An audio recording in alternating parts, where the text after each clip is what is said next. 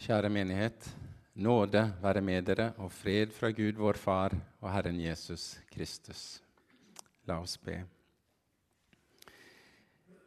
Ja, kjære Herre Jesus, takk for at du møter oss og lar oss få se krossen.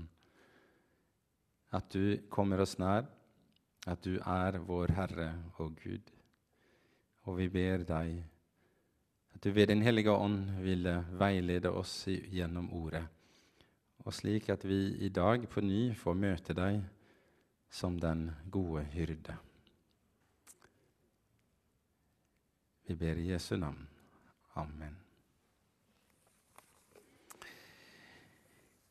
Dagens hellige evangelium står skrevet i Johannes evangelium kapittel 10 og fra vers 11 til og med vers 18.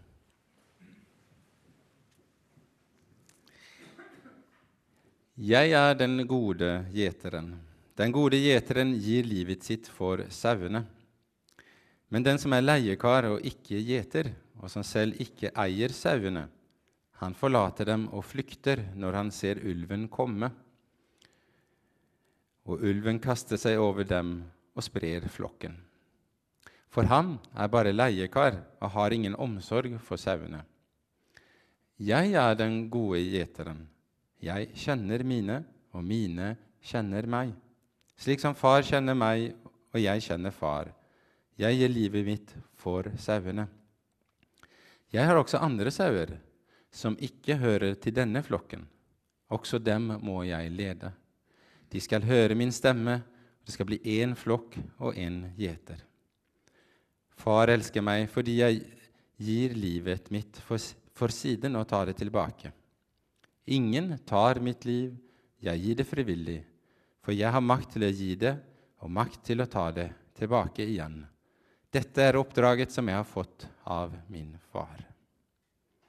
Hellige Far, hellige oss i sannheten. Ditt ord er sannhet. Amen.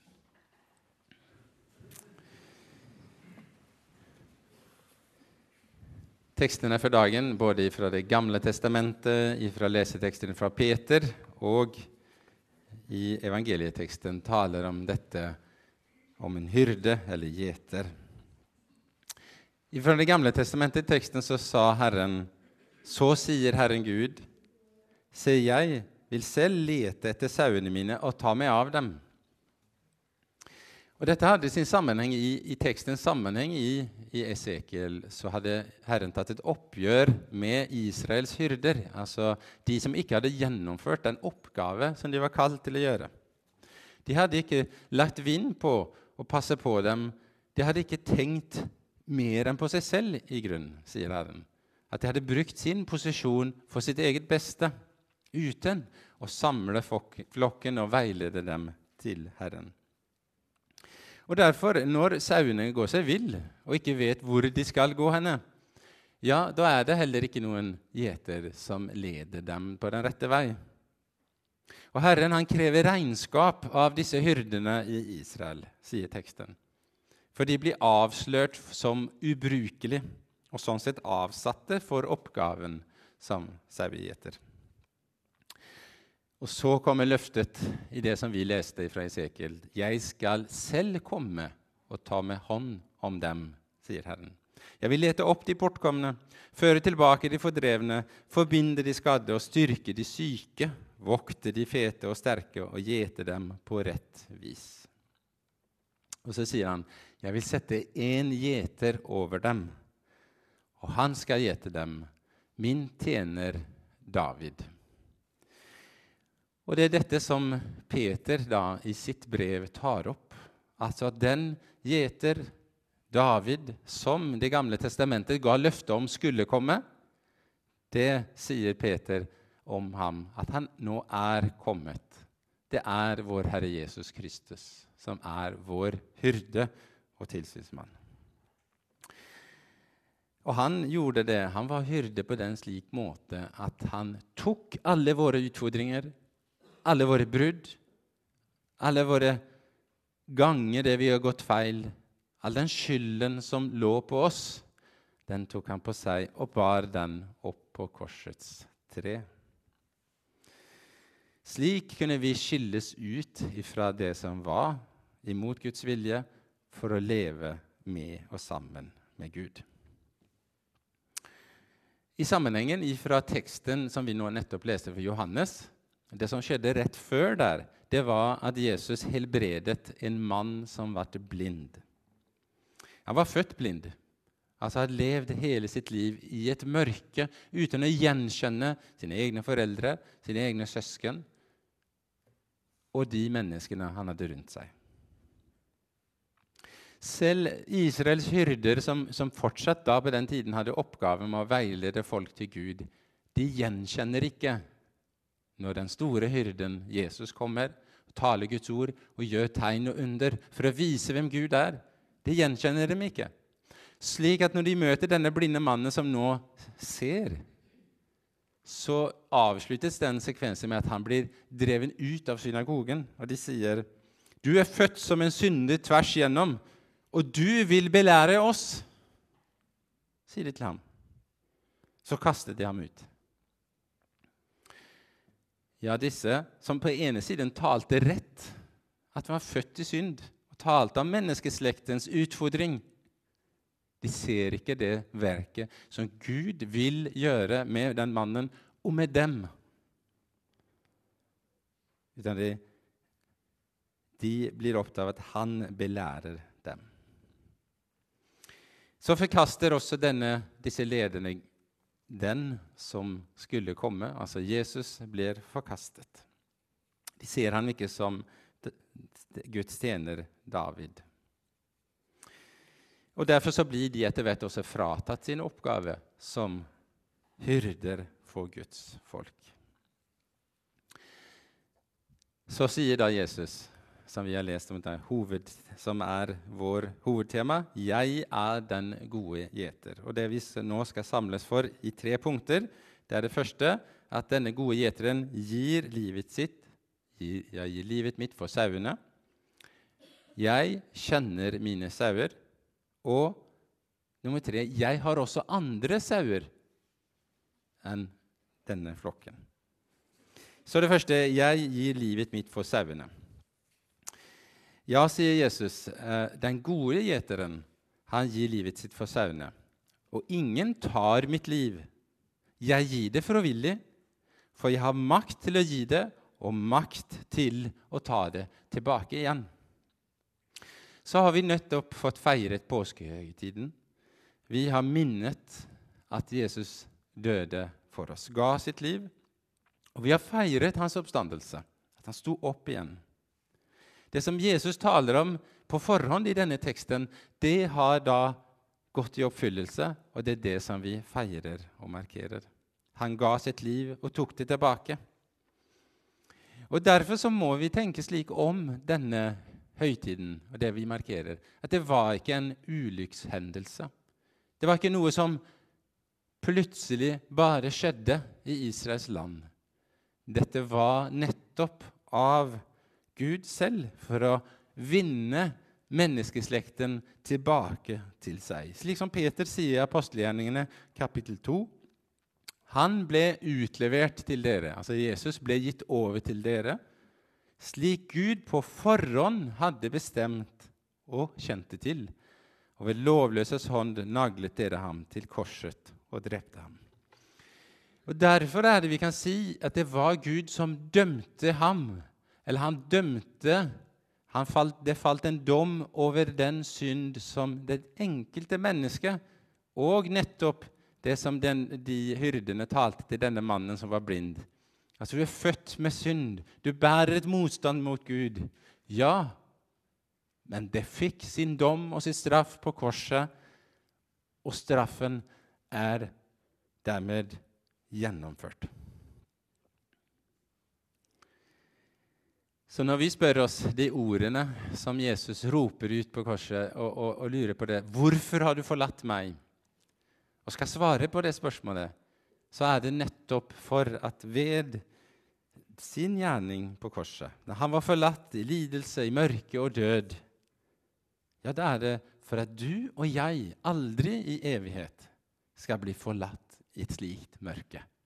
Men ved hans død har vi håp om et liv sammen i fellesskap med ham. Livet vant, sang vi. Livet vant, hans navn er Jesus. Ja, selve livet, det er Jesus. Han beseiret døden. Han hadde altså makt å ta sitt liv tilbake. I apostelgjerningen 2 så står det også med Peters forkynnende ord. Gud reiste ham opp og løste ham fra dødens rier. Døden var ikke sterk nok til å holde ham fast. Nei, døden hadde i grunn ikke noen makt over Jesus. Når han hadde gitt sitt liv for vår synd, så var det utryddet, det problemet. Og Jesus hadde selv ikke noe synd, og dermed kunne ikke døden holde ham. Var, døden hadde ikke makt over et menneske som ikke har gjort noe galt. Og dermed sto Jesus opp i full kraft og herlighet. Det er jo ikke bra når gjeteren dør og sauene blir forlatt alene. Men Jesus som gjeter, som den gode hyrde, visste nettopp hva flokken trengte. Og de trengte en som ga sitt liv, for siden ta det tilbake og veilede flokken frem til Gud. Hans død blir derfor til liv for oss. Ja, Det som de jødiske lederne sa til den blindfødte Du er født som en synder tvers igjennom. Ja, det er noen dager der vi liksom Når vi kjenner på at det er så mye grums inne i oss at jeg kan oppleve nesten fysisk at ja, jeg er født med motstand mot Gud. Og Jesaja han sier i kapittel 59 at det er skylden som skiller dere fra deres Gud. Syndene deres skjuler ansiktet hans. Så det ligger som et teppe mellom meg og Gud. Men dette, dette visste den gode hyrden må ryddes vekk, og det ble gjort fullstendig ved hans død og hans oppstandelse. Så er det som skjuler oss fra Gud, ryddet vekk. Og så må vi nevne at Har vi tenkt på at Jesus han vant, han vant både ved sin død og sin oppstandelse? Og Det første om at han vant ved sin oppstandelse, det har vi nå snakket om. Eh, at han beseiret døden når han sto opp. Og viser vei for oss, slik som det står i Korinterbrev, første Korinterbrevet. Døden er oppslukt, seieren er vunnet. Ja, seieren over døden er vunnet og fullstendig. Og derfor er det håp for oss som lever i ham, om at den døden som vi alle må gjennom en gang, likevel ikke er det siste. Men døden er beseiret. Derfor ser vi frem mot et liv etter, gjennom døden, til livet.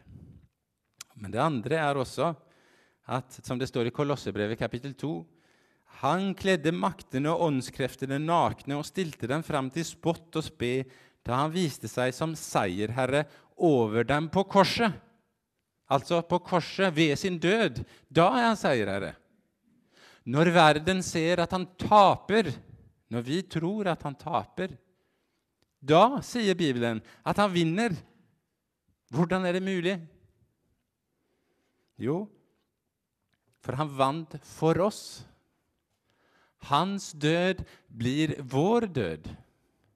På ham var våre synder lagt, og han dør vår død, slik at vi ikke trenger å dø syndens død. For vi hadde et gjeldsbrev. Ja, et gjeldsbrev, et skyldbrev. Og der sto det nedtegnet det som du og jeg i vårt hjerte, i våre tanker, i vår handling gjør imot Gud og vår neste. Og kanskje er det nå nettopp nå der vi står og sitter, noe som du kjenner på hente i går, noe du sa, noe som du gjorde sist uke, som du vet ble tegnet opp på din skyld overfor Gud. Og det kjenner bare du selv og Gud, som minner deg og meg om det nå ved sin ånd. Men der ble det alt opptegnet.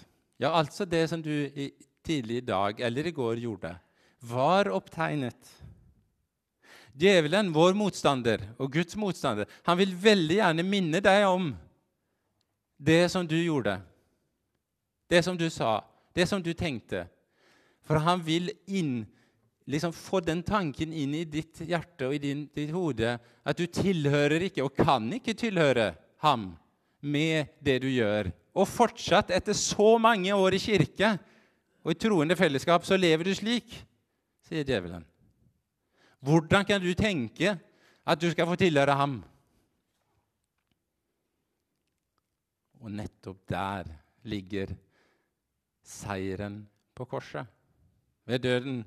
For han, djevelen, har ikke lenger noen makt til å fremholde de syndene imot deg som du har gjort, og som du godt vet du har gjort, som jeg vet jeg har gjort. For, sier bibelordet, han viser seg på, som seirer på korset og utslettet skyldbrevet brevet ved sin død. På din konto innenfor Gud så var det mye minus. Vi kjenner til bankkonto med minustegn når vi har lån. Og sånn også innenfor Gud.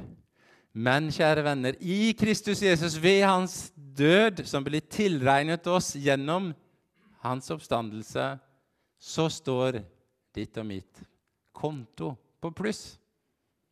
Så mye på pluss at vi står med frimodighet foran Gud. For Jesus selv med sitt liv står på kontoen din. Jesus er derfor den gode hyrde som gir sitt liv og tar det tilbake slik at sauene skal leve. Det var det første. Det andre er 'jeg kjenner mine sauer'. Jeg kjenner mine, og mine kjenner meg, sier Jesus i teksten. Ja, Jesus han ønsker også i dag, ved at vi får møte ham i fellesskapet i gudstjenesten, komme og veilede oss i sitt ord og i vårt fellesskap. Han trekker oss til seg. Han kaller med sin stemme. Ja, det å kjenne ham og hans stemme det er noe som blir løftet fram i teksten som noe helt avgjørende. Og etter, etter vår tekst står det også mine sauer hører min stemme. Jeg kjenner dem, og de følger meg, og jeg gir dem evig liv. Og Med dette så får den enkelte oss også en utfordring, eller en oppfordring, til å kjenne hans stemme. Og den kjenner vi når Den hellige ånd får åpenbare Guds ord i Bibelen for oss. Normalt er det slik at en, en stemme som vi kjenner godt og ly lystrer til, den har vi hørt mange ganger. Ikke sant? Vi kan kjenne igjen pappa og mamma sin stemme eller våre barn sine stemmer eh, blant mange andre for at vi har hørt den så mange ganger. Og det er noe av det som på en måte speiles i det Jesus sier at i en verden så fylt av mange forskjellige stemmer, så blir vi oppfordret og oppmuntret til å utskille og kjenne Jesus' stemme blant de mange. Nettopp ved å høre den ofte og være kjent med den. Jeg vet at det er mange her i kirken i menigheten som nå leser årsbibelen, som i flere av våre menigheter. Og dette å få lese Bibelen i en sammenheng, slik at tekst får tolke tekst, altså at en får se en tekstavsnitt i lys av noe annet, det er et veldig stort og viktig poeng med vår, vår Bibel. At vi får den sammenhengen, slik at vi, slik at vi kan la det tolke hverandre. Historien fra Israel liksom blir tolket for oss også i lys av Jesus. Og på den måten så kan vi kjenne hans stemme. At det blir talet regelmessig til oss. Vi lytter til det regelmessig til. Og slik vil han gjøre sin stemme kjent. Men så vil han også kjenne din stemme. At du i bibellesningen, i bønnen, løfter din stemme for ham. Og i den stemmen der kan det være bare klage, lengsel, takk og bønn på mange måter. Men alt dette vil han høre for å vite og kjenne igjen din stemme. Det er fellesskapet, der vi taler, der vi lytter, og der vi blir bedre og bedre kjent. Det har alltid vært Guds, viktig for Guds folk å kjenne ham stemme, også i vår tid. Og av og til så, så møter vi det som kalles for profetisk gave. En profetisk gave er når Gud får tale inn i vårt hjerte ved sitt ord til oss i menigheten eller ut i samfunnet. Vi har fått løfte om at Herren vil gjøre det også i dag. Men samtidig så skal vi vite at vi skal kjenne igjen den profetiske stemmen nettopp i dette ordet. Så at når det tales profetisk, det er mulig å verifisere det. For Gud ved sin ånd taler ikke, aldri noensinne, imot det som står nedtegnet. Men i linje med dette ordet kan Gud ved sin ånd minne oss om mange saker i vårt liv som vi trenger, både for veiledning og for å leve et profetisk liv i vårt samfunn. Derfor legg vind på å kjenne hans stemme. Vær den som er av sannheten, hører min røst, sier Jesus. Og du og jeg som regner oss til å tilhøre Jesu flokk, kommer vi til ham og søker dette? Kommer vi til ham for å høre hans stemme? Eller er det slik at vår, vår høymodighet, vår når vi mangler lyst til å tilgi vår nabo eller for familiemedlem, når vi ønsker ikke å be om tilgivelse, når vi har lyst til å svare hardt til et medmenneske som vi egentlig ikke syns er så greie med oss, eller når vi ser vår bror lide nød uten å gi. Lar vi Herren få kalle oss til et oppgjør med dette? Og Oppfordringen til oss er ikke, ikke la den synd som Herren en gang har betalt for og ryddet vekk, igjen bli liggende mellom ham og deg. Han ønsker å bygge relasjoner med deg slik at vi blir formet til å leve vårt liv til hans ære. Så må vi skylde på dette at vi i Jesus Kristus allerede nå står fritt innenfor ham. Og Samtidig så vil han gjøre et verk i oss ved helliggjørelsen, slik at vi kan leve til hans ære og til det beste for våre medmennesker. Ikke for å bli bedre i Guds øyne, men for at han gjennom deg kan få gi gaver til våre medmennesker. Til hans navns ære og til våre medmenneskers beste. Så det tredje og siste jeg har også andre sauer. Ja, jeg har også andre sauer som ikke hører til denne flokken. Også dem må jeg lede. De skal høre min stemme. Det skal bli én flokk og én gjeter.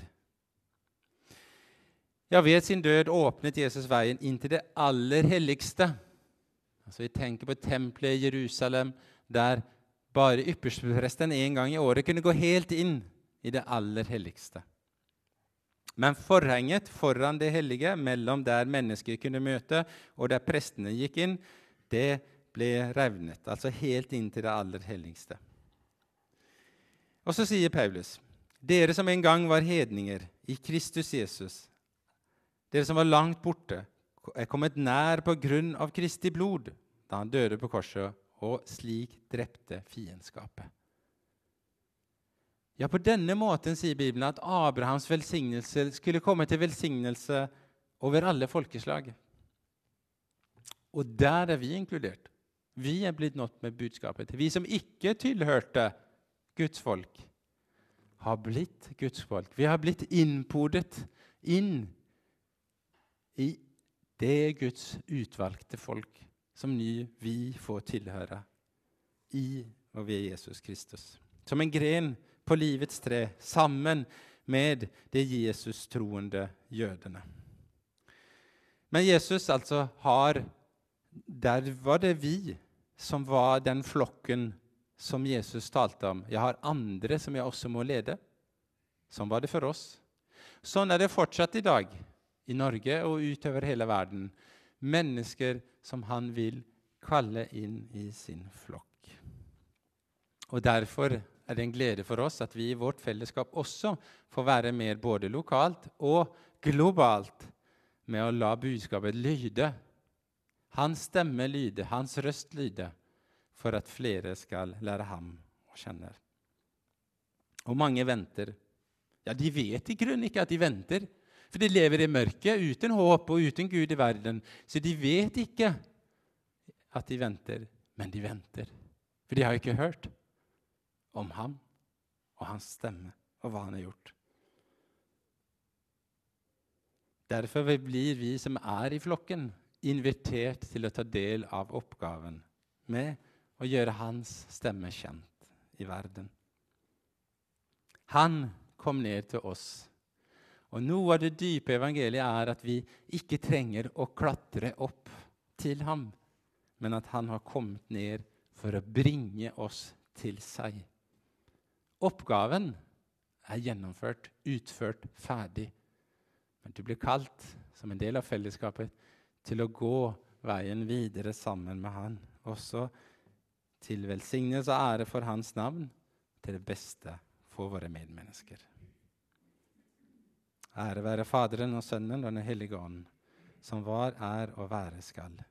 En sann Gud, velsignet i evighet. Amen.